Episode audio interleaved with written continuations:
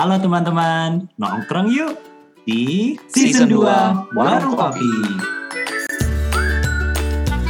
Tempat ngopinya para pecinta bahasa dan dunia tech. Obrolan seputar UX dari sudut pandang penulis. Contoh nih, mau belajar UX Writing, banting setir ke UX Writing, bikin portfolio, mulai copy research, atau mau tahu jenjang karirnya kayak gimana, Ya di Warung Kopi. Eh, kalau mau tahu gajinya berapa, ada topiknya nggak ya? Ada nggak ya? Eh ngumpul yuk, tamunya udah dateng nih. Yuk, yuk, yuk. Uh, selamat datang di di warung kopi. Kita ingin ngobrol-ngobrol nih tentang uh, jatuh bangun ngebangun tim UX writing, khususnya in your case berarti di tiket.com. Lo tahu sendiri kan uh, jumlah UX writers udah semakin banyak di Indonesia. Artinya semakin banyak perusahaan yang udah mulai menyuplai lahan pekerjaan ini, uh, demand-nya pun juga udah lumayan banyak. Nah, cuma belum begitu banyak perusahaan-perusahaan ini yang punya lead UX writer yaitu title lo uh, sekarang ini. Penasaran aja sebenarnya role seorang UX writing lead atau lead UX writer ini ngapain sih sebenarnya? Like day to day-nya tuh ngapain? Dan bedanya apa sih emang buat tim-tim di luar sana yang nggak punya uh, lead UX writer dibandingin mereka yang yang yang punya gitu.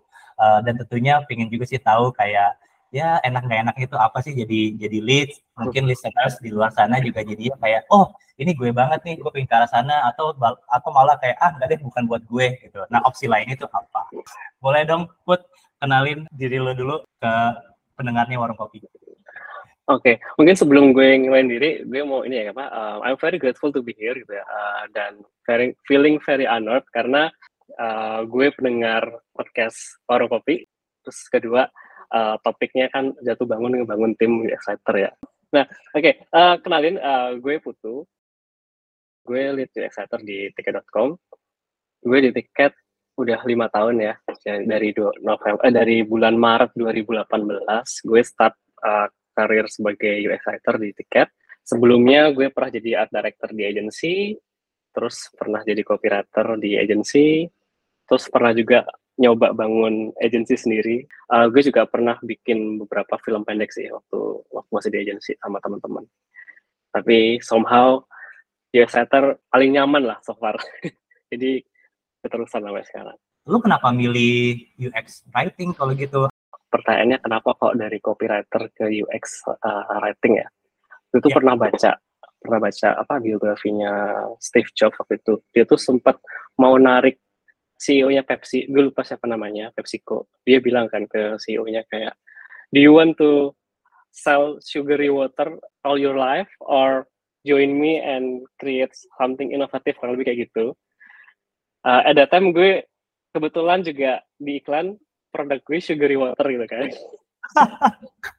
Pas kayak jeder gitu. Iya ya, apakah ini yang gue mau gitu. Terus akhirnya uh, gue nyoba kan. Apa nih ya setting? Pertama gue kayak ngerasa aja apaan sih? Setting cuman bikin teks satu satu kata dua kata gitu ya kok nggak sekeren kerjaan gue di agency? Gitu. Syuting iklan bikin iklan radio gitu kan. Ya. tapi datang gue masih ngerasa oh gue masih 20 something nih early 20s lah ya kayak ah take a risk lah ya gitu. Coba sesuatu yang baru dan well five years already. Tapi put kenapa nggak UX designer? Uh, kenapa UX writer karena kan gue dokter dari copywriter ya um, I'm not a good graphic designer gitu kan jadi kayak udah ngerasa oh nggak sana deh gitu uh, writing aja karena emang mungkin setelah gue jadi copywriter dua tahun waktu itu gue ngerasa kayak gue lebih strong di situ gitu sense of um, merangkai kata-kata lebih jago daripada gue geser-geser pixel gitu ya. Jadi yang bikin betah jadi UX writer apa nih? Kan udah lima tahun. Kan kalau copywriter kan kemarin sempat dua tahun, sekarang UX writer udah jalan lima tahun gitu. Uh, gue ngerasa kayak gue sebagai writer kan gue selalu bilang ke pas gue mentoring ke apa junior-junior ya, gue selalu bilang kalau UX writing in one sentence, eh, in one word itu tuh kan guidance kan sebenarnya, kasih guide ke orang-orang itu. Jadi somehow gue enjoying my role as uh, as a guide buat orang-orang yang pakai produk yang gue bikin gitu. Ya, uh, ini berarti di pertama kali uh, di di pekerjaan yang sekarang as a UX writer eh, sudah lima tahun ini kantor pertama? Iya, S UX Writer kantor pertama. Oh wow. Eh, gue UX Writer pertama di tiket. Ah, I see. Boleh boleh cerita nggak gimana dulu awal awal em, awal pindah kan pindah, pindah jam jadi jadi jadi UX writer terus eh, di tiket jadi UX writer pertama lagi. gue karena karena nggak ada senior ya dan nggak ada lead juga untuk gue reportnya langsung ke VP product waktu itu Eh, ba- apa gue explore sendiri gue belajar sendiri itu sih. Jadi otodidak lah ya. Jadi kayak dibilang susah juga susah tapi karena I don't report to anyone yang punya kerjaan sama dengan gue jadi ya eh, mungkin salah satu strength gue adalah self regulationnya jadi ya gue belajar gue baca buku ini tuh eh, gue baca uh, di desainer-desainer yang udah di duluan ada yang terus gue uh, apa ikutan conference-conference. Ya enjoy sih waktu itu ya. Nggak nggak ada nggak pernah ngerasa kayak keberatan atau gimana. Sorry, yang lu lead berapa orang put di tim lu sekarang? tim gue sekarang ada 14 eh ada 14 orang sama gue sekarang itu gue uh, punya partner dia lagi apa uh, dia ngebantuin gue untuk lead tim karena kan 14 orang tuh uh, input intern ya kalau gue uh, take care sendirian berat gitu ya. jadi terus kebetulan kemarin ada satu orang yang um, apa dia aspirationnya jadi lead kan jadi uh, emang ada kebutuhan ke situ dia megang dua berarti 14 kurangin tiga ada 11 orang yang under gue itu 11 orang under gue itu uh, ada empat intern ada satu itu contract base I see. Oke, got it. So in that case, berarti kurang ada belasan orang, ada belasan Mhm. kepala yang mesti lu pikirin masa depannya kayak gimana. Bukan bukan sebuah pekerjaan yang yang yang gampang ya, eh, kayaknya pastinya. so apa enak dan gak enaknya put? Let's kick off dengan pertanyaan itu deh. Enak dan gak enaknya lu jadi lead UX writer in general itu kayak gimana? mungkin lebih apa sih perubahan dari IC ke manager itu yang gue kemarin lumayan kayak jet lag gitu sih Win gue nggak bisa bilang itu enak-enak ya Uh, when you are uh, managing people gitu kayak lo tuh nggak punya kontrol langsung ke project lo gitu uh, dibandingin saat lo jadi IC kadang-kadang ya emang kita nggak bisa ngasih solusi langsung kan ke tim kan. Kita cuma bisa mengarahkan ya. Kadang-kadang maybe you're not that happy with the solution. Kalau lo dari IC ke manager mungkin lo akan akan ngerasa kayak oh gue udah nggak bisa lagi nih kayak 100% uh, in control of the project gitu. Karena you have to trust your team yang ngerjain itu. Itu sih yang gue alamin kemarin-kemarin gue Dari IC awalnya tentunya kan, writer Mhm. pertama dan pindah sekarang tracknya lu manajerial kan. Um, berarti kalau gitu bisa dibilang dari awal tuh apakah ini jalur karir yang sebenarnya udah lu plan gitu. Gue pingin nih ke manajerial. Something yang gue jarang banget dengar dari orang-orang sebenarnya. Tapi oh gitu ya honest, be honest, uh, itu something yang lu udah udah lu plan atau atau enggak dan kayak lu ngerasa kayak ya terpaksa. Siapa lagi nih kalau bukan gue gitu. Nah itu ceritanya gimana Put? somehow tuh kayak it comes naturally gitu loh Win. Kayak lu you are the first person uh, the first UX writer uh, in the company. You help I help uh, my head of design untuk hiring some people kan di awal-awal kan. Dari awal pun mungkin de facto kali ya gue udah jadi lead ya. Tapi the jure-nya enggak gitu kan ya sama-sama writer gitu. I help the head of design to hire writers baru kayak gue kan jadi lead tuh uh, jure tuh baru tahun 2021 sih kayaknya. Ya ini ada kayak gap dua tiga tahun itu gue kayak masih senior writer gitu di di Riket. Oke. waktu apa Yoel datang kayak yo apa ya biasa lah ya VP baru gitu kan dia ngobrol sama semua orang. Terus dia tanya lu mau nggak jadi lead? Terus um, karena gue suka something new ya oke gitu. I'll try my best. Lu tadi barusan bilang waktu Yoel masuk dan dia nanya ke lu, lu mau nggak apa ngelit? So in that case, it, it came at the right time ya? Atau atau enggak? Maksud gue adalah lu udah siap waktu itu untuk ngelit atau atau atau enggak siap? gue nggak pernah berpikir siap nggak siap Win ya saat tanggung jawab itu dipertanyakan ke gue kayak gue iyain dan gue bilang ke Yoel kalau nggak salah kan kayak ya apa I will learn along the way gitu. Tapi apa put? Maksud gue kayak apa ya? Yang bikin lu yakin tuh apa? It's a big it's a big responsibility kan. Jadi waktu itu yang nge-trigger lu sampai akhirnya kayak gue nggak tahu deh waktu itu lu sempat ragu atau atau gimana tapi yang akhirnya kayak ngebuletin keyakinan lo bahwa oke gue the right person uh, gue bisa nih gue gua gua berani take up this challenge itu itu apa pun uh, jadi sebenarnya kalau this is not my oh yeah, this is not my first time sih Win uh, buat ngeliat sebuah tim. Gue dari zaman SMA ah. tuh udah lumayan aktif lah ya kayak di OSIS itu. Gue dulu megang majalah majalah sekolah majalah kampus terus kayak kepanitiaan ini itu gitu kan. When I look back itu kayak I enjoy gitu loh kayak working with a team and giving directions and so on and so on gitu kan. Waktu itu waktu ditawarin kayak sempat ragu sebenarnya kayak oh bisa nggak ya gue ya? Gitu. Karena ini kan pasti beda nih dulu kan cuman kayak tim-tim di kampus gitu di sekolah. Sekarang ini kayak real job gitu loh. Tapi somehow karena gue selalu suka gitu ya kayak sesuatu yang baru gitu dan kayaknya tantangan. Jadi gue kayak bilang iya. Dan itu kan Yoel juga assure me kalau ya nggak apa-apa belajar aja along the way gitu. Is it different from you know leading a project sebagai art director?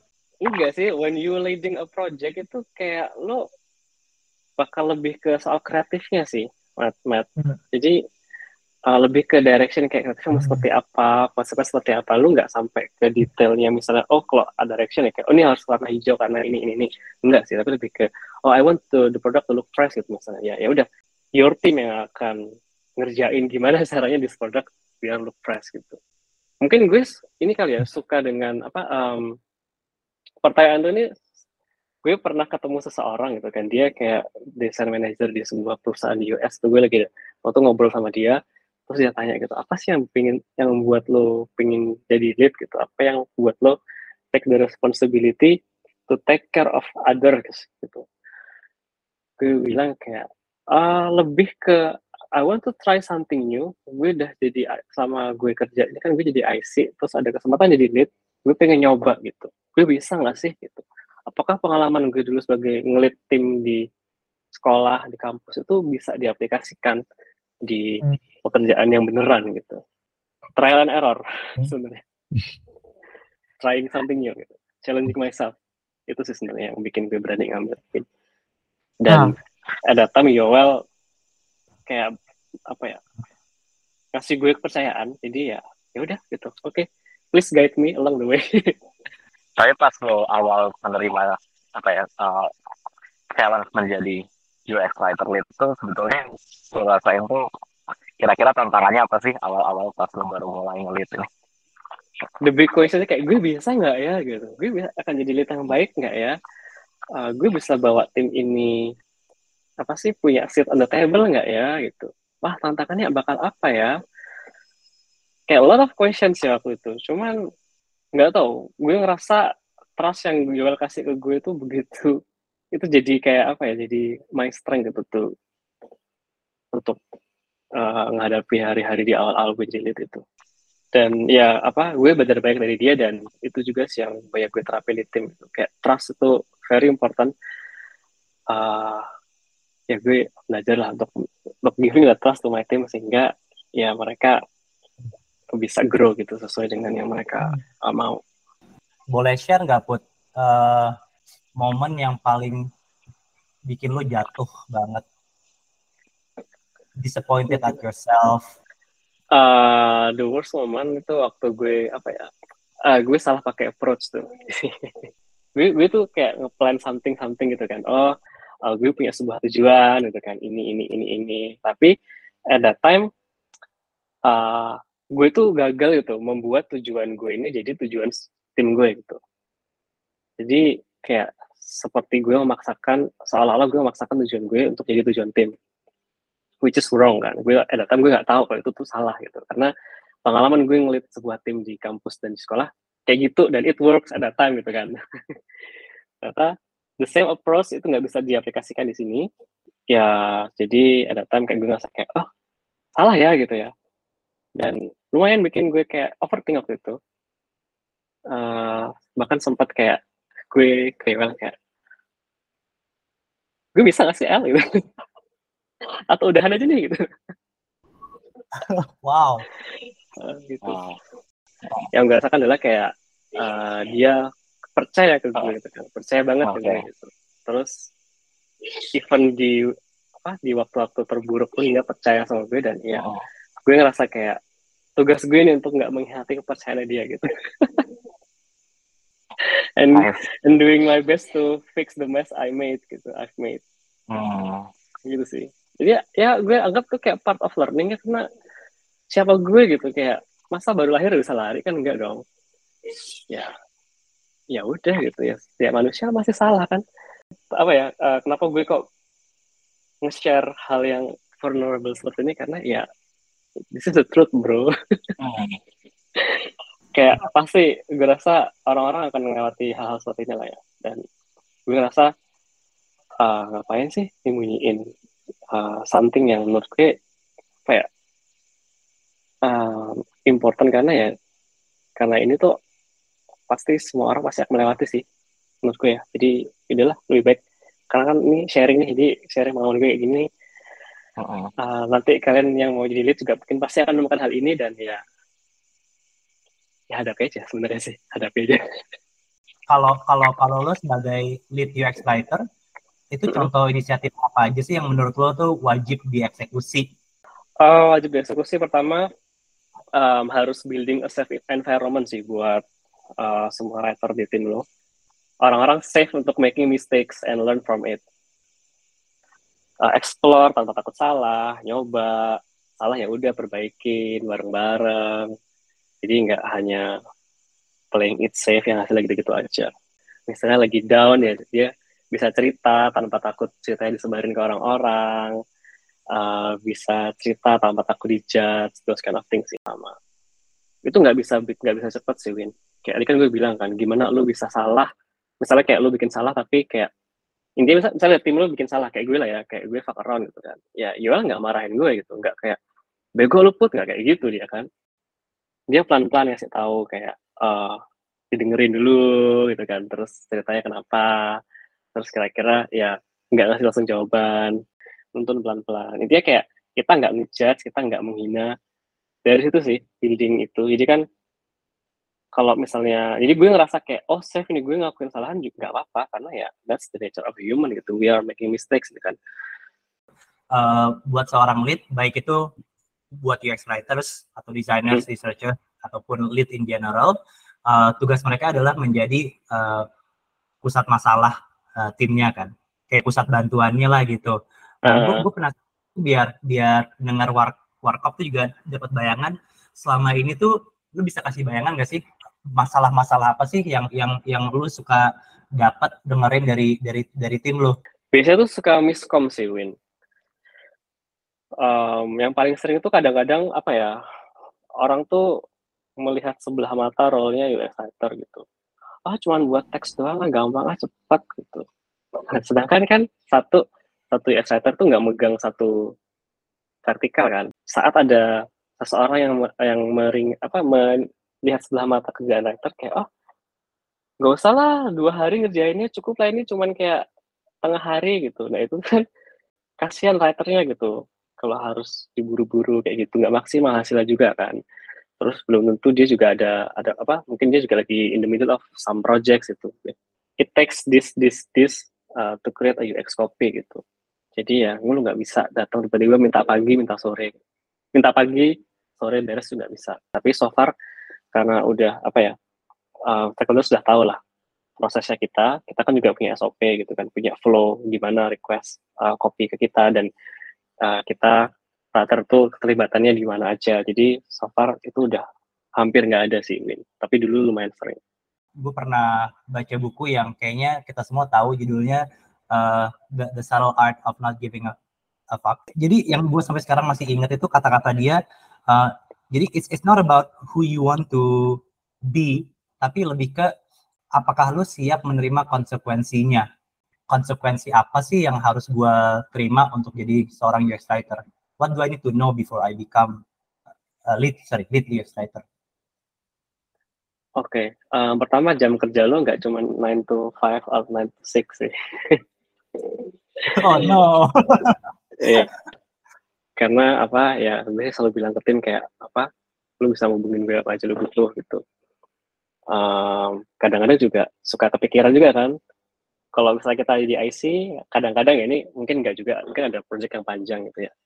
Misalnya kayak oh IC gitu, misalnya bikin error message buat case ini. Begitu kita error message sip, udah dong beres ya. Tapi kalau misalnya tugas lo adalah gimana supaya anak ini yang tadinya waktu presentasi itu malu-malu jadi jadi pede gitu saat dia presentasi di depan stakeholders. Itu kan bukan sesuatu yang bisa lo kerjain di jam kerja ya. Kayak kadang-kadang saat lo mandi kayak ah gini kali ya gitu. Kadang-kadang kayak lo cari solusi saat baca buku atau ngelihat tuh video atau misalnya baca artikel. Itu sih itu yang pertama. Lo harus uh, naturally care about your team gitu. Um, lo mesti paham gitu dia sukanya apa dia sukanya apa butuhnya apa traits-traitsnya lu harus ngerti juga cara dia apa cara komunikasi ke dia seperti apa. Lu juga kadang-kadang harus ngelawan ego lu sendiri gitu untuk bisa misal kayak oh gue orangnya cuek nih gitu. Nah gimana? Tapi anak lu ini nggak bisa dicuekin. Nah gimana caranya lu bisa menjadi diri lu yang nggak cuek itu ke dia? Lu harus banyak-banyak ngalah. Misalnya ngerasa kayak oh ada project seksi nih gitu kan kalau gue yang ngerjain kayak gue bisa exposure. Tapi you cannot do that gitu kan. Lo harus kasih orang yang benar-benar capable gitu. Kira-kira uh, apa ya mungkin kan di role sebagai lead mungkin untuk nge-crafting gak sebanyak waktu jadi IC ya. Kangen ya. jadi IC dan terlibat langsung untuk nge-craft itu setelah uh, jadi lead banget. Banget banget. Oke okay, uh, so far ya itu sih cara ngatasinya. Kalau nulis uh, mungkin nulis medium kadang-kadang gue nulis what's new. Tapi kalau selain gue managing people kadang-kadang gue juga suka terlibat kayak bikin kind of framework gitu. Jadi sebenarnya kalau kayak gitu uh, tugas tugas lo apa correct me if I'm wrong ya tapi tugas hmm. lo sebagai UX writer itu uh, tadi ya fokus ke uh, apa namanya growth-nya mereka uh, dalam artian I'm not sure if using personal growth itu akurat atau enggak termnya, tapi lebih ke soft skills. Tapi juga di samping itu lo juga perlu mikirin gimana cara nge-grow technical skillsnya mereka. Jadi dua itu iya. tetap lo, technical skills tetap lo fokusin juga ya? Iya, uh, barengan sih Win. Oh oke. Okay. Eh gue penasaran deh, kalau di tim lo tuh semua itu lo yang mikirin atau sebenarnya ada yang mikirin buat satu misalkan orang lain mikirin gimana supaya timnya grow secara technical and then lu yang mikirin gimana supaya tim lu grow secara non technical gitu? Gue sekarang udah dibantu jadi gue di, di tim gue tuh gue bikin namanya tim writing system gitu kan. Kalau desain kan punya desain system gitu ya. Uh, gue punya tim writing system jadi kayak itu isinya senior senior gitu yang yang apa yang paling tinggi uh, tingkatannya gitu kan. Jadi uh, mereka udah gue apa sih kita sama-sama diskusi lah kira-kira apa ya bisa kita lakuin buat tingkatin quality kopi kita gitu. Jadi ya saling suggest project gitu. Kadang kalau misalnya kadang gue yang ngasih suggestion kadang mereka yang up dengan suggestion kayak gitu sih. Terus juga salah satu kompetensi buat senior writer adalah uh, mereka bisa supervising juniornya dan ngebantu mentorin day to day gitu. Selain soft skill eh, selain hard technicalnya juga soft skillnya gitu. Gimana si anak junior ini gitu bisa berani menghadapi stakeholder gitu. Kan dibimbing. Jadi uh, nggak nggak cuman gue doang sih kalau misalnya gue harus nge apa um, mentorin semuanya gitu kan secara langsung agak susah ya ada, ada belasan ya. Um, paling gue lebih ke high level ya gitu tapi day to day-nya itu gue percayain sama senior seniornya di masing-masing uh, city itu di masing-masing tribe itu jadi komposisi tim gue adalah di sebuah tribe, let's say di tribe transportation, ada satu senior, ada satu junior, kalau kayak gitu sih. Terus um, dengan sistem itu ya, uh, gimana lu sebagai uh, lead uh, hmm. measure sama memastikan performance dari um, tim members yang ada di timmu? Um, kita punya yang namanya tuh IDP sama competency mapping ya. Kan selalu ada one on one sih every two weeks. Jadi kita ngobrol terus juga satu ya apa satu framework yang baru bikin namanya itu competition mapping reflection di mana kayak uh, ada sebuah set of competition yang mereka harus penuhin gitu kan. Sebelah di sebelah kiri itu sebelah kanan adalah kayak keadaan saat ini tuh lo seberapa dekat dengan kompetensi apa terus kayak dengan base of set of competition itu lo posisinya di mana gitu? Apakah lo udah menguasai gitu kan? Atau kayak jago banget? Atau kayak oh, gue masih butuh uh, belajar lagi gitu. Itu sih biasanya kita ngobrolin sih. Jadi gue measure dari obrolan-obrolan itu dan project-projectnya. Dan kadang-kadang ada juga kayak hasil dari sebuah project gitu kan. Terus kontribusi lo di project ini apa um, terus reportnya dari project ini seperti apa itu kita bisa measure sih kompetensi mapping tuh ini ya berarti kayak ketika mereka melihat itu uh, your team members mereka jadi tahu what it takes to to step up to the next yeah. level. Next level, ya, yeah. uh, exactly. Dan apa to fill the gap ya kita biasanya ngobrol tuh pakai apa IDP nama ini individual development plan. Uh, kira-kira untuk bisa jago ini dia harus ngapain ya kayak gitu. Bedanya apa sih untuk sebuah tim UX writer, uh, UX writing yang punya lead writer kayak kayak tim lo ini dan dan yang enggak punya lead?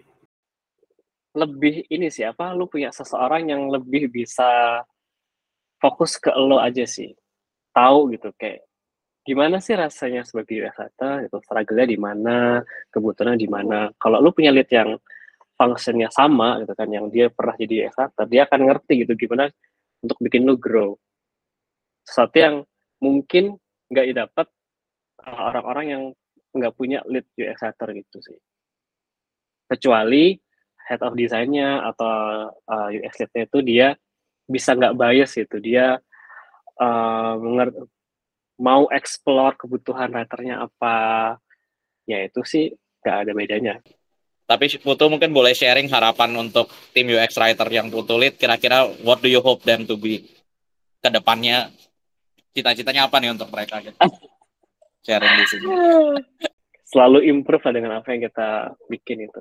Karena banyak tren ya, kayak sekarang tuh ada AI gitu kan. Gimana kita bisa nggak um, kalah gitu sama AI. Kita kan mesti punya develop our skills besar gitu. Gimana biar stay ahead of every challenge lah yang kita punya along the way bisa keep maturing gitu kan di karya ataupun yang di uh, lain-lainnya. Berarti posisi lu masih aman ya Put ya? If one day AI take over uh, writing. so far mas. masih ada chance lah ya. masih lah. Kita masih punya edge kok di situ. Oke, okay, sip. Thank you so much, uh, Put. Udah mampir nih ke, ke warung kopi. Udah agak malam juga, udah waktunya pulang.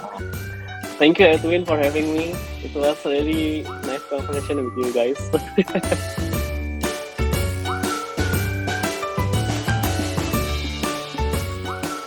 Thank you udah dengerin Warung Kopi, tempat nongkrongnya pelaku dan peminat bahasa di dunia teknologi. Follow Spotify Warung Kopi dan nyalain notifikasi biar nggak ketinggalan episode terbaru. Jangan lupa mampir ke Instagram kita at warung.kopi. Sampai jumpa!